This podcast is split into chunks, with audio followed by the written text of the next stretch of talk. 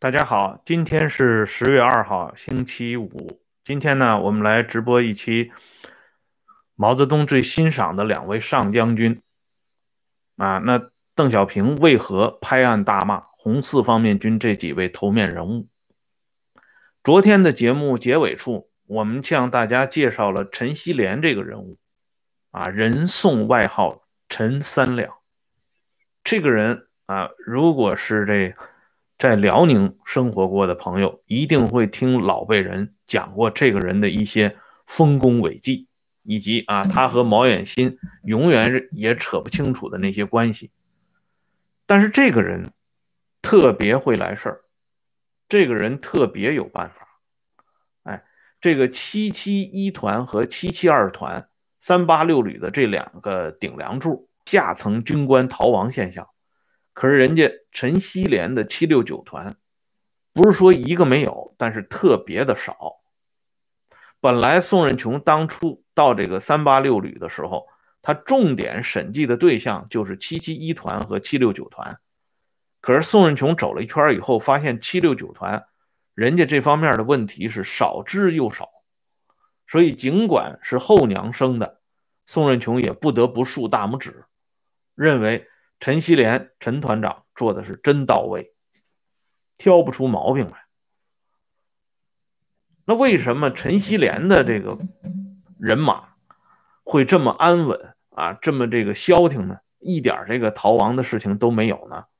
这是陈锡联啊带兵有方，还是陈锡联是天外来物啊？关键一点是陈锡联这个人的一贯作风，陈锡联。啊，此人是非常能够代表红四方面军一批高级将领的嘴脸的。这些人啊，目不识丁。嗯，别看大字儿啊，不认识几个，但是他们却几乎可以说与生与俱来，练就了一套本领，在应对上级、应对同级、应对下级方面，掌握极好的火候和分寸。他们生活在这片盐碱地上，可以说如鱼得水。不管任何惊涛骇浪，到他们面前，他们都会啊应付玉如，游刃有余。所以一辈子官运亨通。这陈锡联的故事啊特别多，我给大家举一个当年他们在川陕革命根据地时候发生的事情，就足以说明啊这陈锡联。连他自己都说他自己，他说我就是一土老帽，啊，土的掉掉渣的这么一个农民。当初这个川陕根据地建设之初，红四方面军打掉四川军阀刘存厚的几个兵工厂，缴获了四川军阀的大量的钱财物，啊，真是发了洋财了。但是对于这些洋财，这些红四方面军的师长、军长不认识，真的没见过啊！大家呢就见过现大洋，除了现大洋以外的货币或者是真金白银，他们不认识。就拿陈锡联来说，有一天早晨，这四方面军的军政委李先念和四方面军的管家总管家郑义哉。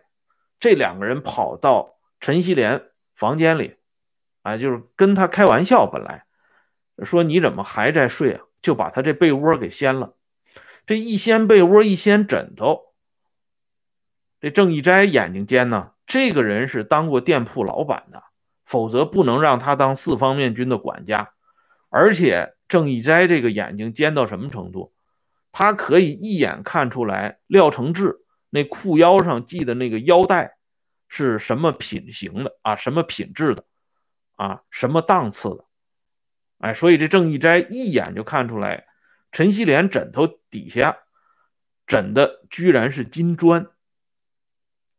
然后他就问陈锡联啊，郑义斋这个人是啊非常严肃的一个人，他在红四方面军里经常是告密啊。这个人不行了，那个人不行了，他就往张国焘那儿送啊。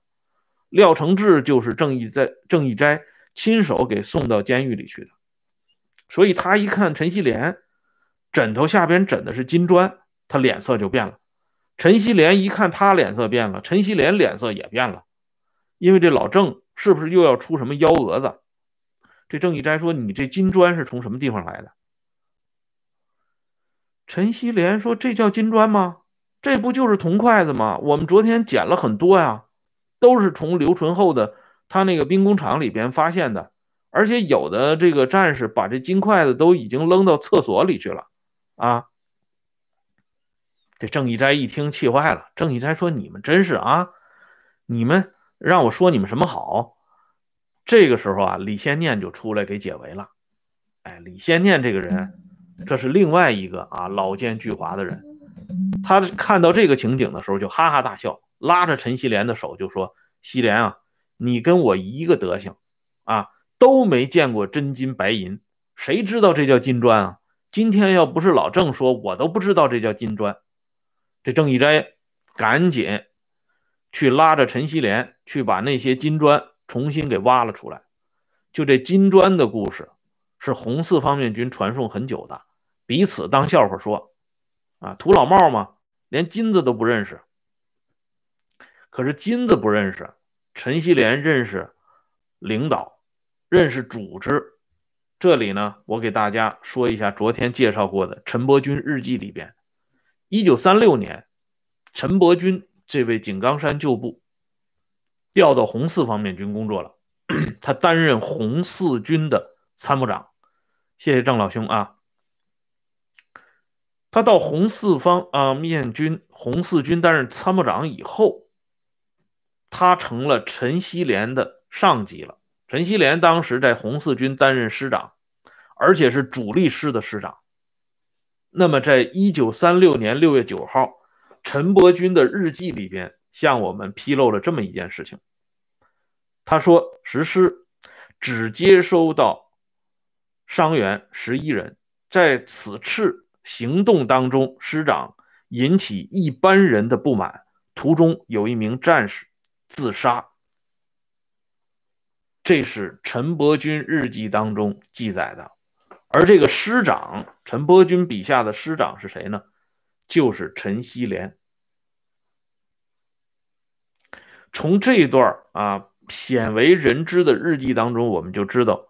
陈锡联这个人一贯是媚上欺下。为什么上边对他特别满意呢？就是因为他敢于压榨下边。毛泽东生前最喜欢的红四方面军的几个上将当中，谢富治、陈锡联、许世友这三个人是最突出的。哎，毛泽东对这三个人简直是爱若珍宝。伟大领袖当年如日中天的时候，说话谁敢插话呀？刘少奇插一回话，结果就完蛋了。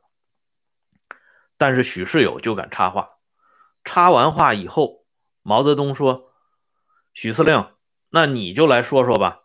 这许四许世友啊，差啊不得不啊摆摆手，还是主席说，主席说。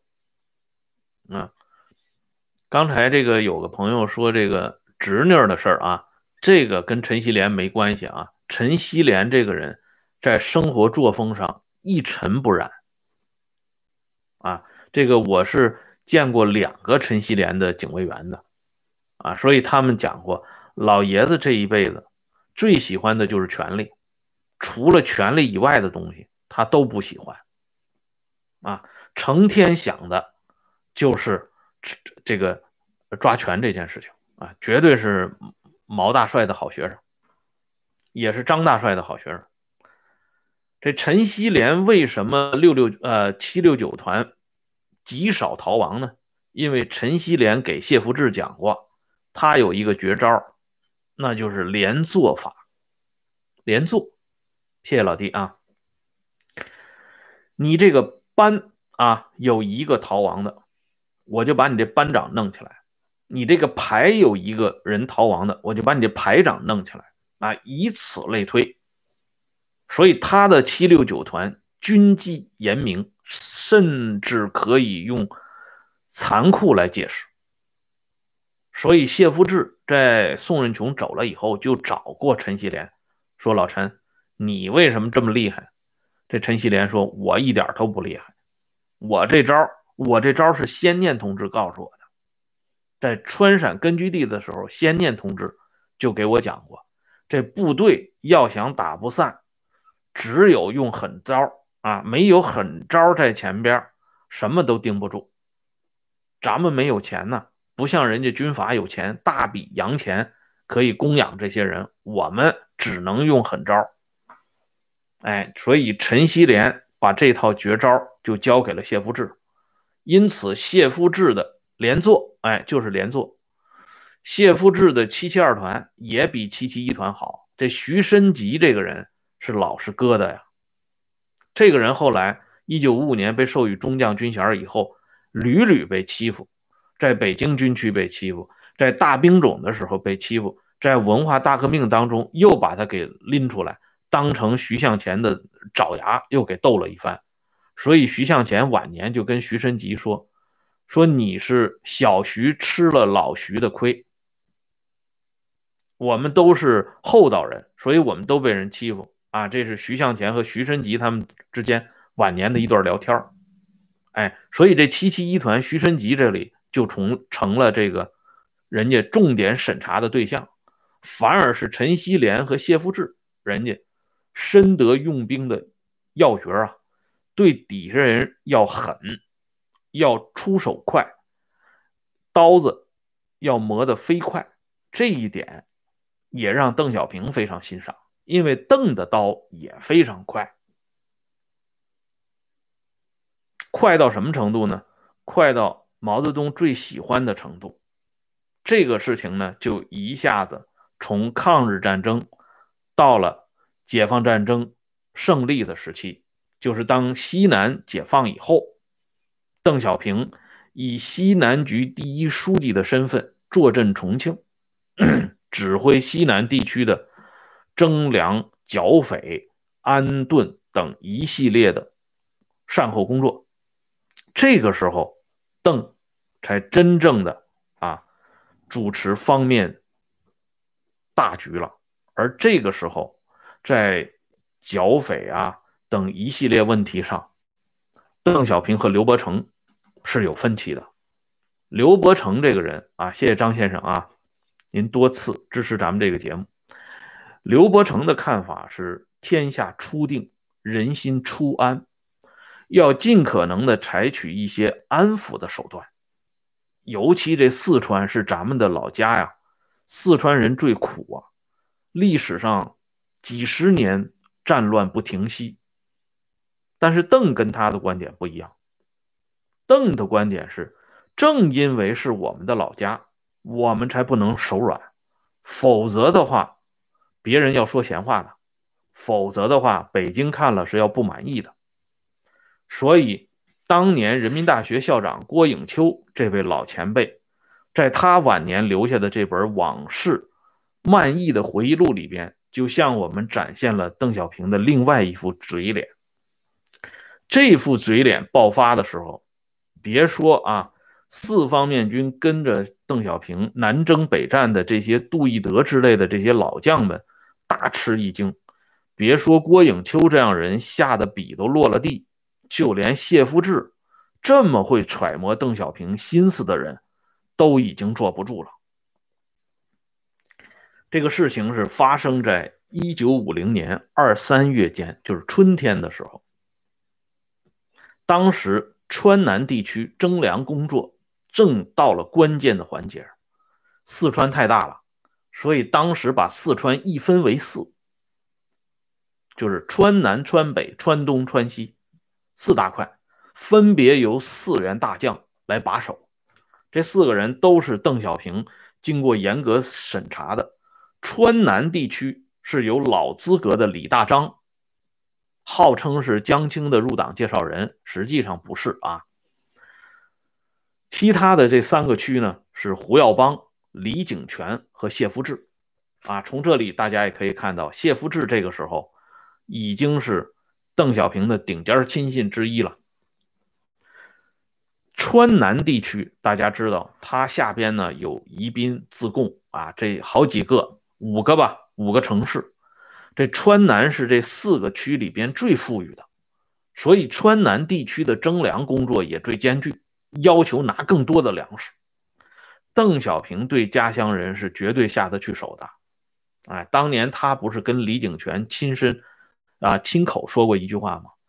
他说：“景泉同志啊，你要记住，四川饿死了人，没有人知道；可是上海要是饿死饿死了人，全世界都知道了。”哎，这就是邓小平啊，对他最深爱的家乡和家乡人的寄语啊。川南征粮工作开会的时候，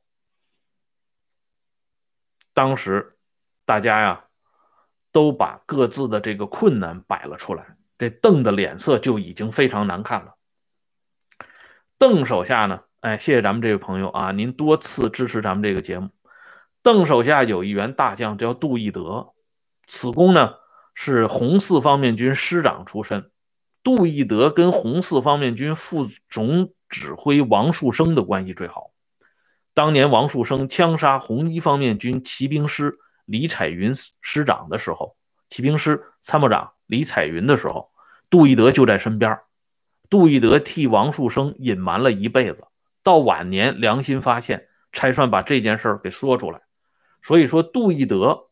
在四方面军里边，人家都管他叫义哥，就是义气啊。他正好他那个义啊，也是义气的义。义哥最讲义气。那杜义德呢，这个脸上也有不同的表情。杜义德的表情是非常有难度。这川南地区呢，搞这么大规模的征粮，我们于心不忍。邓小平听到杜义德这话之后，我噌一下子就站起来了，然后是破口大骂。邓骂人的那些具体的话，郭颖秋不好写到书里，但是邓骂人不关脏字的那些话，郭颖秋可都记了下来。这里呢，我给大家说一下，当时邓小平是这么讲的：征粮完不成任务。你们还要说政策？你们川南就没有征上来？你李大章、你彭涛、你杜义德、你郭颖秋四个人要负责，再完不成征粮任务，我告诉你们，我要跟你们算算账，算历史账，算新账老账一起算，算总账。这一番话说完以后，郭颖秋是在那儿记录啊。郭颖秋自己说。正在做记录的钢笔不由自主地从手中啪的掉在了地上。我参加革命以来，从未受到领导上如此严厉的批评。邓小平说：“什么叫政策？完成征粮任务就是政策，站不住脚跟，你们还跟我讲什么政策？”这个话呢，是由郭颖秋的话啊引出来的。郭颖秋说：“征粮是要征的。”但要讲个政策，粮多多出，粮少少出，没有粮就不要出。你没有粮食，你怎么让人家出啊？这叫合理负担。我们在解放区历来都是这么干的。杜义德也是表示这个态度。这老邓不干了，把他们臭骂一顿以后，把门一摔，人走了。剩下这哥几个吓得是面面相觑啊。这杜义德挨骂的事情，郭颖秋挨训的事情，很快就传到了云南省委书记宋任穷的耳朵里。就说这宋老鬼，他为什么叫老鬼？就这个人耳朵特别长，宋任穷都知道这个事儿了，所以宋任穷都都过问，说你们哥几个为什么被呃邓政委给臭骂一顿啊？因为什么呀？他是来取经的。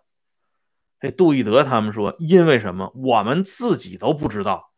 这杜义德背后说了这么一句话啊。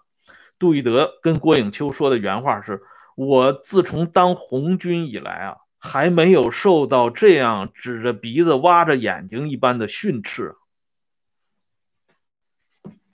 就说杜义德啊，这位义哥沉不住气了。杜义德他们为什么这样？啊，就是说要求邓这个放这个四川川南地区老百姓一马呢？甚至说实话，连邓的顶尖亲信谢夫治也坐不住了。谢夫治也不同意邓的这种做法。为什么？道理很简单，因为杜义德、谢夫治这些红四方面军的高级将领，他们是亲手创建、参与创建了川陕革命根据地。当初张国焘、徐向前、陈昌浩他们是要把川陕根据地当成自己的老窝的，所以他们是尽一切可能维护这块土地，对老百姓还是施了一些仁政的，就是至少锅里碗里给留一口吃的，没有赶尽杀绝。而且川陕根据地的这些老百姓对红四方面军那也是玩命的支持啊。您不玩命，脑袋就没了。所以谢夫治、杜义德他们还是有一点念旧的感情的。但是你念旧，邓小平可不念旧。别看你们跟我从幺二九师就在一起，但是今天征粮任务完不成，我就拿你们挨个的开刀。然而接下来还有一件事情，让谢福治跟邓小平差一点闹掰了。那这个事情是什么事情呢？咱们明天接着说。感谢朋友们上来收看和支持。下边呢，我把这个会员的链接给大家发一下，感兴趣的朋友可以参与到会员节目里边，每天都有更新。